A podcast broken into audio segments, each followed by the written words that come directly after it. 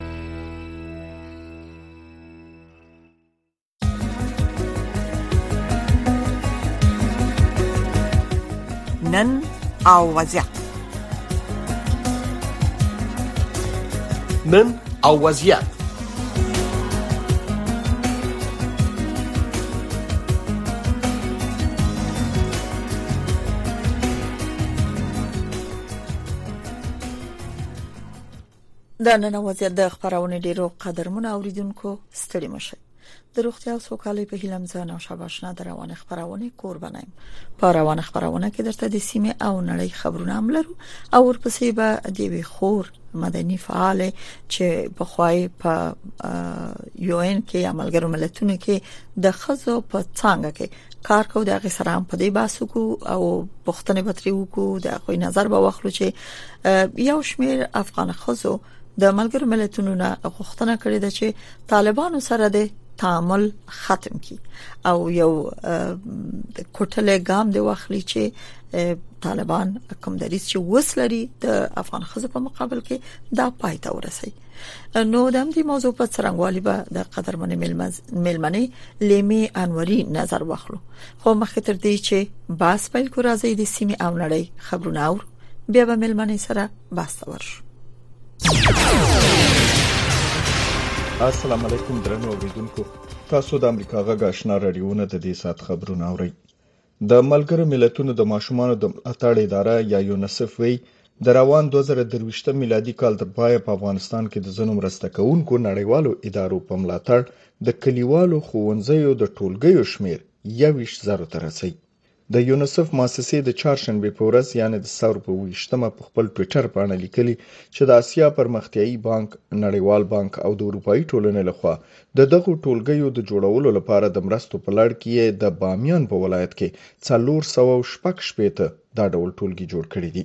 یونیسف دا هم ویلي دي چې د اسیا پرمختیایي بانک، نړیوال بانک د اسیا څانګې او د اروپایي ټولنې په مرستو په بامیان کې د چټکې زده کړې په دغو څلور سوه او شپږ شپېته کلیوالو ټولګیو کې نهه زره څلور سوه ماشومان زده کړې کولی شي. یونیسف د دوه زره درویشتم میلادي کال تر پایه په ټول افغانستان کې د کلیوالو ټولګیو شمېر یوویشت زرو ته لوړوي. طالبان وایي د حکومت سرپرست رئیس الوزرا ملا حسن اخوندزاده ناروغ شوی او په ځای یې مولوي عبدالکبیر د ریاست الوزرا د سرپرست په توګه ټاکل شوی. د طالبانو د حکومت ویاند ذبیح الله مجاهد د ملا حسن اخون زاده ناروغي تایید کړې ده او وی مولوي عبدالکبیر د چارو د مخکې وړلو لپاره د ریاست الوزرا سرپرستی په غاړه اخستې طالبانو تر اوسه په رسمي توګه څه نه دی ویلي چې ښاغلی محمد حسن اخون څه ډول ناروغي لري او دا چې آیا د درملنې لاندې دی کنه د طالبانو یوې بلې سرچینې امریکا غږ ته ویلي چې د دوشنبې په ورځ د طالبانو د سرپرست حکومت د کابینې په غونډه کې مولا حسن اخون نه و موجود او د مجلس مشري مولوي عبدالکبیر کوله سره لدی چې د معمول سره سم په حکومتونو کې د دا ډول بدلونونو په حق له اعلامیه خبريږي خو د طالبانو حکومت چې تر اوسه د نړۍ هیڅ کوم هیواد یا ادارې په رسمیت نه دی پېژندلی، د خپل مشر پر ځای د سرپرست ټاکل کېدو په هکله یې هېڅ ډول اعلامیه نه ده خپره کړې. شافیه سردار، امریکا غږ، واشنګټن. طالبان وایي د صنایعو او سوداګرۍ وزیر نورالدین عزیزي نن د چهارشنبې په ورځ روسیې ته ځي او د کازان فورم په نوم مجلس کې ګډون کوي. دا غونډه د فدراتیفې روسیې په تاتارستان جمهوریت مرکز کازان کې د مې میاشتې په اتلسمه او نولسمه ترسره کېږي. په دې غونډه کې د روسیې او اسلامي نړۍ هیوادونو استازي هم ګډون کوي او په خپلمنځي اقتصادي، فرهنګي او سیاسي اړیکو ښه کولو غږیږي. په افغانستان کې امنیتي سرچینو ویلي په خوست ولایت کې د یو ملا امام په کور کې چاودنه شوې چې لامل یې دوه کوچنۍ لونی وژل شوي او دوه نور ماشومان ټپیان دي. د خوست د امنیي قومندانۍ مطبوعاتي مسول مستغفر ګربز دا پیښه تایید کړې ده خو نور جزئیات یې نه دي ورکړي. محلي طالب چارواکو د سې شنبې په ورځ پژواک اژانس ته ویلي چې دغه پیښه سار درې بجې د اسماعیل خېلو مندوزیو ولسوالۍ په بهرام خېلو کلي کې شوې ده او تر اوسه د چاودنې څرنګوالی نه دی معلوم چې بې پیلوټه الوتکې برید کړی او که ځای په ځای شوو چاودیدونکو توکو چاودنه کړې ده د خوست د امنیه قومندانۍ د معلوماتو په اساس په دې پیښه کې خپله ملا امام مفتی فاروق ته کوم زیان نه دی رسیدلی تاسو د افغانستان سیمې او نړۍ خبرونه اورئ د روسیې او ایران جمهور رئیسانو د چهارشنبې په ورځ په ایران کې د اورګاډي د یوې پټلۍ د جوړولو تړون لاسلیک کو ترڅو دواړه هیوادونه د شمال جنوب په ترانسپورتي دهلیز کې ورګډ شي د روسیې جمهور رئیس ولادیمیر پوتین وایي چې دغه نظریه وروسته له شلو کالو بل اخر عملی کیږي د پوتین په وینا د ریل ګاډي د پټلۍ اوږدوالی به یو سل دوه شپېته کیلومتري چې د رشت او استرا د ښارونو ترمنځ جوړیږي د اروپا مشران د یو داسې سیستم پر تاییدولو کار کوي چې لمخې روسیه په اوکراین کې د خپل یرغل له کبله د ورانیو تاوان ورکړي او د قربانیانو زیانونه جبران کړي د فرانسې جمهور رئیس امانوئل ماکرون د چهارشنبې په ورځ په همدې اړوند یو سند لاسلیک کړ. د اروپا د شورا شپږ څلوېښت هیوادونو او د اروپا د بشري حقونو سازمان د اتلس کالو وروسته په ایسلند کې د سې شنبې په ورځ یو غونډه رابللې و ترڅو د اوکراین ملاتړ وکړي او روسیه وغندي په پایله کې د چهارشنبې په ورځ ټولو ګډونوالو په داسې یو سیستم هوکړه وکړه چې له مخې یې مسکو اوکراین ته د رسیدلو زیانونو جبران ورکړي اروپايي مشران تمه لري چې امریکا د دې نوښت ملاتړ وکړي. د هند او چین ترمنځ پوځي کړکېچ چې له امله یې د هیمالیا په سرحدونو کې لسګونه زره پوځیان ځای په ځای شوي وو، څلورم کال ته وغځېدو. خو د دواړو هیوادونو د پوځي قوماندانانو او لوړپوړو وزیرانو ترمنځ له خبرو سره سره د هوکړې کومه نښه نه ښکاري.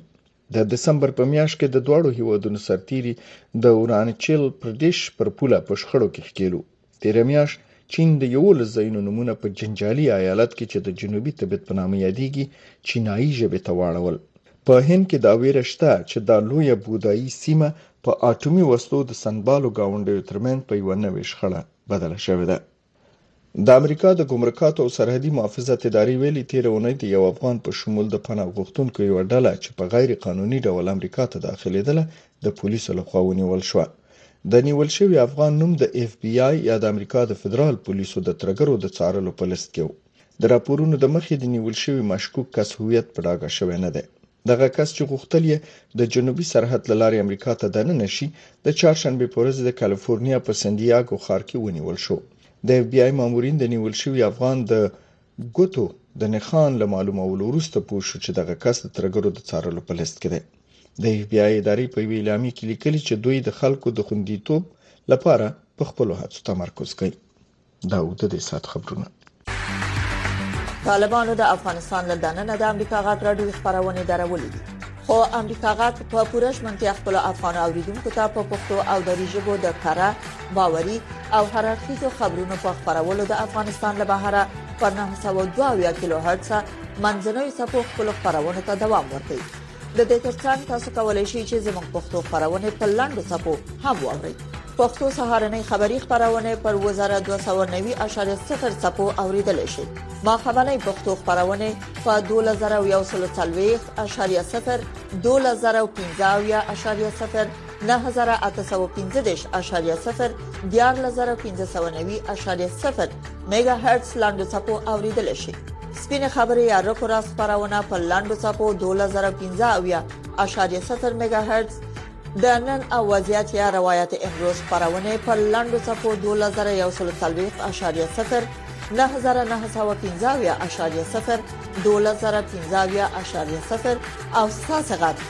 یا صدای شما خبرونه پر لاندو صفو 2513.0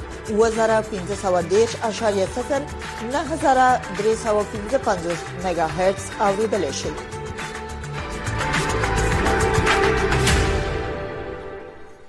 درنو اوریدونکو ډیره مننه تاسو د امریکا غږ آشنا رادیو د نن وضعیت د خبرونه د سیمه او نړۍ خبرونه هم واوریدل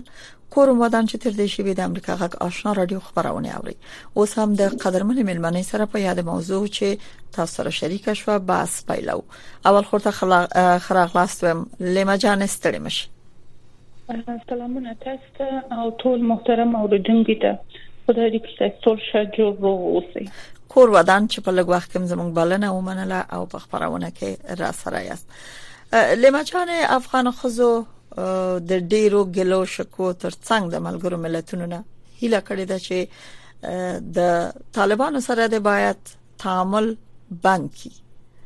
تاسو د یوې افغان فعال ځوان په صفت څه وایي ستاسو غوښتنه څه ده او د نور شمیر یا یو شمیر افغان خزو د غوښتنې په حق له څه وایي چې ملګری ملتونه په دغه حساس وخت کې څه مسولیت لري د افغان خزو د غوښتنه څومره پر ځای ده بلکل زه د دوی دا غوښتنې ستایم او دا غوښتنې دغه حقیقت کې د ټول افغان شذې او د ټول افغان ځوانانو غوښتنه ده هغه دا غوښتنه په دې معنی چې موږ یو حقيقي حق د پالل لپاره دا غوښتنه کوو زده کړه کار ټولنه کې برخه اخیستل دا ټول هغه اسلامي، شرعي، حقوقي حقونه دي چې دا باید ټول خوندي واوسي او اوس خو موږ پوهیږو چې خوندي نه دي دا حقونه او دا د پښو لاندې شوي دي. نو که چیرې موږ وایو چې مکتبونه دې خلاص شي، نجونې دې مکتبونو ته ولاړ شي، درسونه دې ووایي، نصاب کې تغییرات نه غواړو، ځکه چې موږ په دې باوري یو چې زموږ پخوانی نصاب بالکل اسلامي نصاب و، په هغه کې د بشري حقونه موضوعات پکې وو څه چې بشري حقونه وایي خو اسلام هم دغه وایي اسلام موږ ته وایي چې تاسو زده کړه وکړئ چاته ضرر مه رسوئ ټولنه کې کار وکړئ یعنی نورو کسانو ته هم ذکر ورسوي نو دا حقونه دي چې ټول دا غواړي او دا پر ځای غوښتنه دي او کله چې نری غواړي چې افغانستان سره مرسته وکړي نو مرسته به دغه به یي چې تعلیم زمينه باید برابر شي چې خلک د تعلیم په ارزش پوسی او د تعلیم لارې پرمختګ وسی بله لمه جان تاسو چې وایي چې افغان خزي برحق دی او دغه غوښتنه د دوی تاسو تاییدوي ستاسو په نظر تر اوسه پورې ملګری ملتونه په افغانستان کې څه کړی دي چې هغه د طالب سره تعامل وګڼل شي تعامل البته مختلف ډولونه لري یو خو سیاسي تعاملات دي چې اوس روان دي که چې دی وایي چې موږ تعامل نه دي کړی او دا یوازې د بشري مرستندوی چې دی د بشري لپاره موږ هغه برخه کې مرسته کوو او هغه موږ هدف دا دی چې د افغانستان خلک له فقر څخه وژغورو او له وجې څخه وژغورو چې دوی 90% ډیر افغانستان خلک وجې ته مخ دي نو دوی په دې نامه سره په دې طریق سره غواړي چې په یو رقم نه یو رقم طالبان سره دغه برنامه تطبیق سي ځکه چې اوسنی حاکمان طالبان دي او دوی وایي کچيري موږ وغواړو چې بیل د دوی حضور دا برنامه تطبیق کو دا تقریبا امکان نه لري په هر برخه کې نه هر برخه کې د دوی شتون تاسو او که فورمجات دي که اداري موضوعات دي که توزیع کول دي که نظم نیول دي که هر څه چې دی دا د دوی هغه دلایل دي چې وایي وایي دغه موضوعاتو په پام کې نیولو سره موږ مجبور یو چې دوی سره خبرې وکړو دوی ته ووایو چې دوی موږ ته کم خندونه ایجاد نه کړي د خندونو د منځته ورل لپاره موږ مجبور یو چې دوی سره خبرې وکړو بیا موږ وایو نه تاسو دغه یو رقم نه یو رقم تاسو مس غیر مستقیم وای اما په اساس کې دا خو تعامل دی چې تاسې ځئ دوسره کښېنئ وایي چې موږ دغه مرسته غواړو دغه ځای کې ورسوو خی تاسې نظم ونیسئ نو نظم ولې تاسې خپل نسی نیولای ولې خلک د نظم تنظیمولای نسی چې تاسې راځئ دوی ته وایي چې دا نظم ونیسئ یعنی تاسو فکر کوئ چې د ملګرو ملتونو یا د نړیوال ټولنې دغه مرسته چې د بشري مرستو په نامه د افغان ولس د پاره رسیږي دا هم د پردې ترشا بل وضعیت دی چې د طالبانو خکیلتیا پکې خپل ملګری ملتونه ضروری ګڼي ظاهرا خدا سه وای چې د ولست طالبان باید پکې دخالت ونی کی تاسو دا هم یعنی یو تعامل ګڼي دوی وایي دوی په دغه باوري دي چې وایي چې دا د خاص د افغانستان خلکو لپاره دی او د افغانستان خلک باید له د څخه مستفید شي اما کله چې موږ ولر سو د مختلف راپورونو هسته په ساحه کې چې دوی وایي متاسفانه متاسفانه کله چې دا توضیح کیږي دا توضیح چې د ختم څو طالبان راځي دوی څخه اخلي د مواد د شان ته یعنی یو منظم میکانیزم د کنټرول لپاره او د دې لپاره چې آیا واقعا کوم کس چې حقدار دی هغه ته دا رسیږي یا نه دغه نشته د یو منظم شفاف میکانیزم بله. نو د دغه لپاره چې دا موضوعات نشته او د یو ان مسولیت لري چې دا باید د دغه میکانیزم په اساس نو دا باید بیرته سم خلکو مستحق خلکو ته ورسي او کنه رسوي دی بهانه کوي چې وایي چې یا ولا باید دلته طالبان شتون ولري نو دا خپل یو تعامل کیږي یو انتقاد چې د افغان خوځو د معترض خوځو چې تاسو هم پلوي است د انتقاد یا کوم غوښتنې چې لري هغه دا چې وې د طالبانو کړنو ته په دې څه کم دوه کلو کې چې ولیدل شي چې دوی د خزو سره څه ډول چلند درلود دوی د ملګرو ملتونو نه ګلمن دي وی چې دا ستمه لرله چې ملګر ملتونه او نړۍ په ټوله کې چې ملګر ملتونه په راس کې دا یو سخت دریز به غوړه کی د طالبانو په وړاندې اما هغه څه و نه شول ولی ونه شول دوی وی او باید طالبان د وبخي ملګری ملتونه کوټلې ګام واخلي د برخه کې تاسو څه وایي چې ملګری ملتونه څه کول شول په دې څه کم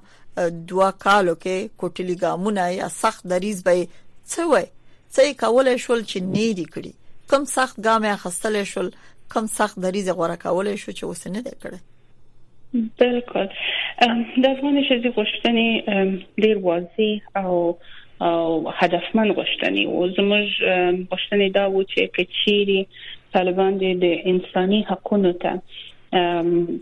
نه وایي نو بیا دلته خینو نړیوال سازمانونه او ملګر ملتونه بل خصوص دوی دی باید خپل هغه د بین المللی اصول او قواعد په اساس باندې باید ډیر مداخله دی وکړي دا مداخله کېدلی سي لازم سیاسي فشارونه له طریقه دا فشارونه مختلف ډول وي یو ډول دا دی چې مثلا پر دوی سفرونه باندې بندیز ولګوي په لومړی سر کې دوی سفرونه باندې بندیز نه و دي دوی ډیر په آزاد توګه هر خواته هر هیواد ته تللی سوی راتللی سوی او هغه هیوادو د چارواکو سره د جلساتو نیوله خبرې اترې کول کله چې د افغان شزي مختلف دادخواهي جلسات له طریقه د ملګرو ملتونو وغوښتل بیا حد اقل یو سلج د دوی د سفرونو باندې بندیز ولګول شو مګر بیا هم د دوی ځینې کسان کولای شي چې ولار شي دوهم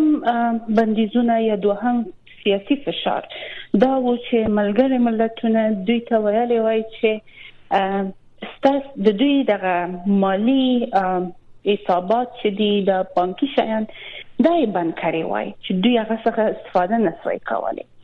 بل سیاسي فشار یا لازمی فشار دا کېدلی سوی چې دوی ته ویلې وای چې افغانستان کې هوس یو مشروع حکومت نشته تر څو چې مشروع حکومت منځته راځي تاسو باید چې د نړیوال قوانینو ته احترام وکړي د احترام په دې معنا چې تاسو باید ښځو درسته پرېږدئ دوی مکتب ته ولاړ سي دوی پانتون ته ولاړ سي اما تاسو برعکس کار کوئ نو چې برعکس کار کوئ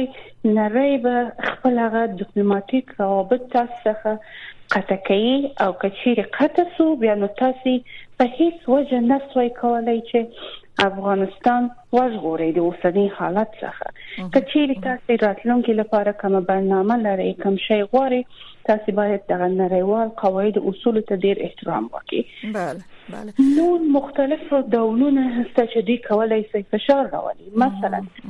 موږ وایل چې دوی کچېری د دوی فامیلو باندې د فشارونه راځي د دوی به یو لژنه کې افغان شزې درکې د دوی خپل میرمن شزې لونی بهار کې ناس دي آزاد دي دوی ته هیڅ کم مشکل نشته درس وایي بزنس کوي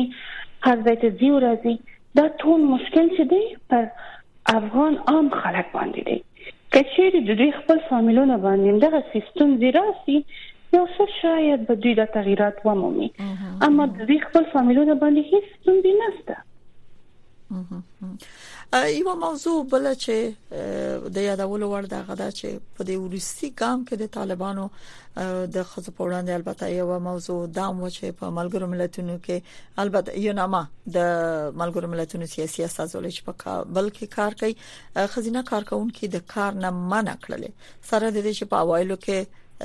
لفظي یا د اعلامیې په خبرولو د سخت خبرګونونه او خودل شول اما بیا هم داسې ملګرو ملتونو اورپسې داسې یو دریز ونیو چې هغه خزو چې کار کوي په ملګرو ملتونو دفتر کې هغه به د کور نه خپل کارونو ته دوام ورکړي تاثر ډیر او خودل شو مګرم بیا هم د طالبانو او د ملګرو ملتونو په تعامل کې کم کمه او زیاتې نه دی راغله ناسه پاسه تر سره شوې لیده کاته تر سره شول خبرې وشوې مجلسونه وشول اما څه تغیرات رانغلل طالبان په خپل دریز ولاړو څه فکر کوي چې چیرته د نړۍ یو معتبره مرجع لکه ملګری ملتونه دا ډول نرم چلند د معترض خزو د نظر یا د دوی د وینا لپاره چې دا نرم چلند ولري باید افغان خزه چیرته مراجعه وکړي چانه په حساب چاته دا غږ پورته کی او څه باید وکړي آیا دا سه یو مرجع شته او تاسو هم د ملګرو ملتونو دا ډول چلند د طالبانو سره په تعامل کې نرمخت فکر کوئ بالکل تاسو ډیر ښه موضوع ته مو توجه وکړ ما ته جالب بخي دا و چې کله چې لومړی دا موضوع د ننګرهار نه شروع شو د ننګرهار کې یو نما کس دا موضوع پر رسنیو کې خبر کړ چې موږ ته داسې ویل شوی کوم البته جالب هم دا و چې مکتوبي نه د مکتوب لاره نه کوم رسمي پانه نه فقط شفاهي ډول دوی ته ویل شوی و چې تاسو خپل هغه شیزینه کارمندان ته وایي چې پس له دې کورس څخه کار وکړي بیا دوی خپل دغه موضوع ته د سیدیر په رسنیو کې یو رقم ډیر نشر کړ او خبر سو او بیا ټول نور بل اخر کابل نور ولایت هم دا موضوع ورسیده یعنی یو نامه جالب دا و چې رسمي کوم مکتوب د طالبانو ډلې لخوا دوی ته نه ورغلی دوی ته فقط شفاهي ډول ویل سوی او دوی د دوی په شفاهي سفارش باندې دا دوی اجرا وکړ او شزینه کارمندان ته وایي تر څو دا موضوع حل کیږي تاسو د کورو څخه کار وکړي چې دا بالکل یو غیر مسلکی غیر اصولی چلند دی او یونما غوندي یا ملګر ملتونو غوندي اداره څخه دا توقع څوک نسی کولای چې دوی په نړۍ کې د پرمختګ لپاره د ټکنالوژي په وخت کې په دې قرن په دې عصر کې او دوی د سی یو کار کوي دا خو هیڅ څه د سی باور نه کېدل لیمه جان تاسو هم یو وخت د ملګرو ملتونو د خزو د برخه سره کار کړی دی د ملګرو ملتونو د سه نرم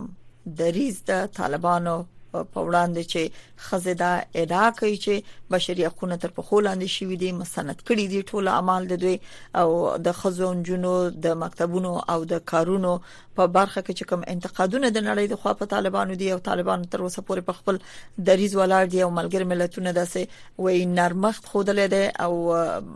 کلک دریز یا جدي دریز نه ده غوړه کړي د خپل د ملګرو ملتونو هغه موقف یا دریز څومره تر سوال لاندې راوستي شي بالکل بالکل تر سوال لاندې راولي دی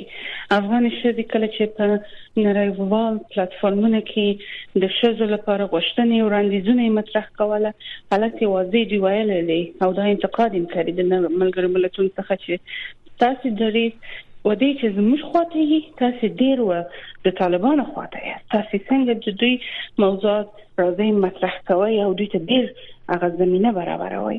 اما تاسو باید چې د شوغان شوز پر خوا اوسئ او کلک د ریزونه ولري اما متاسفانه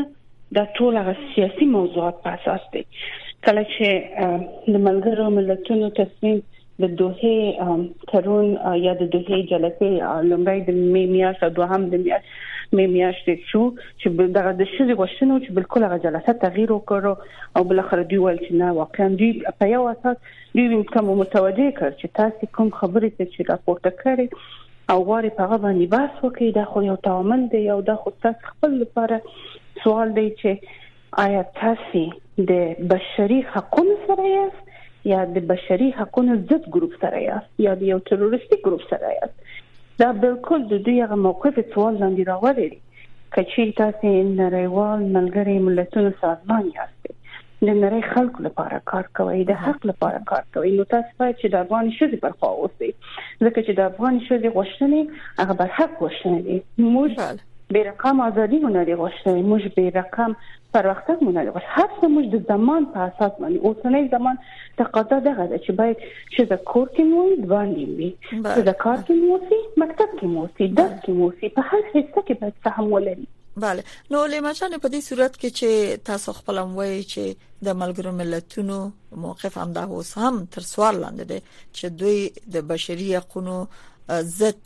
کسانو سره د لیدل دي اما دا غچا چې بشري حق تر بخولان شوی دی دا غوي غږ نه دی اوریدل شوی په دې صورت کې څه فکر کوئ چې د خزو د اناري سوري چې د مختلفو هیوادونو نه راپورته کیږي او خپل د حقوقو د اعاده لپاره غږ پورته کوي دا به څه ځای ونیسي کس چې یو تعداد افغان شزي واقعا بخي مایوس سوي دي ناهیلي دي د نړۍ د رقم دوه رنګ چلن څخه اما بیا هم موږ وایو چې موږ مسلمانان یو په الله تعالی اعتقاد لرو بیا هم باید مبارزه وکړو خپل مبارزه ته دوام ورکړو او که دا ځل بیا هم دوی دا تصمیم لري چې د افغان شزي خبري ته ډیر په جدي ډول ونه ګوري او بیا هم لارسي مخالف ډول سره د دوی ته د پام ورکي حد اقل کار چې افغان شي کولای شي د نړیوال رسنۍ له طریقه د هر هیواد سره جلا جلا بیل بیل جلسات ونیول شي او دوی ته د مختلف موضوعات شرح شي او دا روان دي مختلف د افغان ګروپونه دي د شذ ګروپونه تیر هفته کانادا استرالیا او دغه نور هیوادونو سره جلسات تنظیم شوی وو کوم اندیشنې چې دی کوم وړاندیزونه چې دی دا ټول دوی سره شریک سو نو دا رقم نو دا اوس افغان شې خپل هغه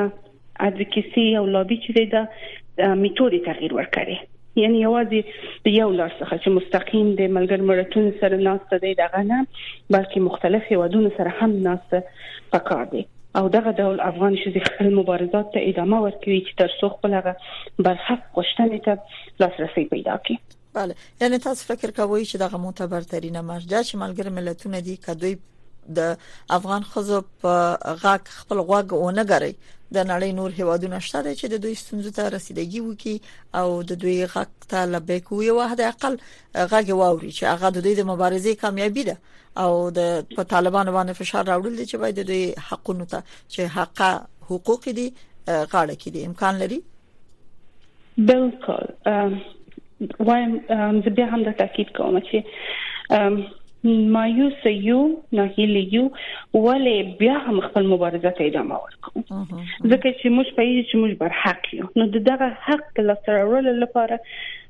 بار بار باید په بیا ځلې په تکرار ډول باید ولار شو دوی ته بیا هم پوه کو چې کوم لار چې تاسو مخبل کړی دغه لار نه ده کوم لار چې موږ تاسو ته وایو دغه سم لار ده او په دغه لار کې چې موږ روان یو تاسو یو پلا وګورئ نتیجه یو پلا وګورئ په مختلف دور د تاریخ کې تا وګورو همیشه افغان شوی په داسې یو حالت کې قرار درلودل چې ستونزې سره مخامخ خو څه توجه نه کوله ولې بیا هم خپل مبارزې ته ادامه ورکول بله ډیره مننه لیمان وری په ملګرو ملتونو کې د خزو د برخې په خوانی کارکونکو کورم ودان چې په خبرونه کې را سره وي هله کوم تاسو هم ښه وخت خو وخت لري قدر من اوریدونکو د نن وضعیت خبرونه په همدې زی پای ته رسیدي ډیره مننه چې تر دې شویم د امریکا غاک آشنا رادیو خبرونه واوریدي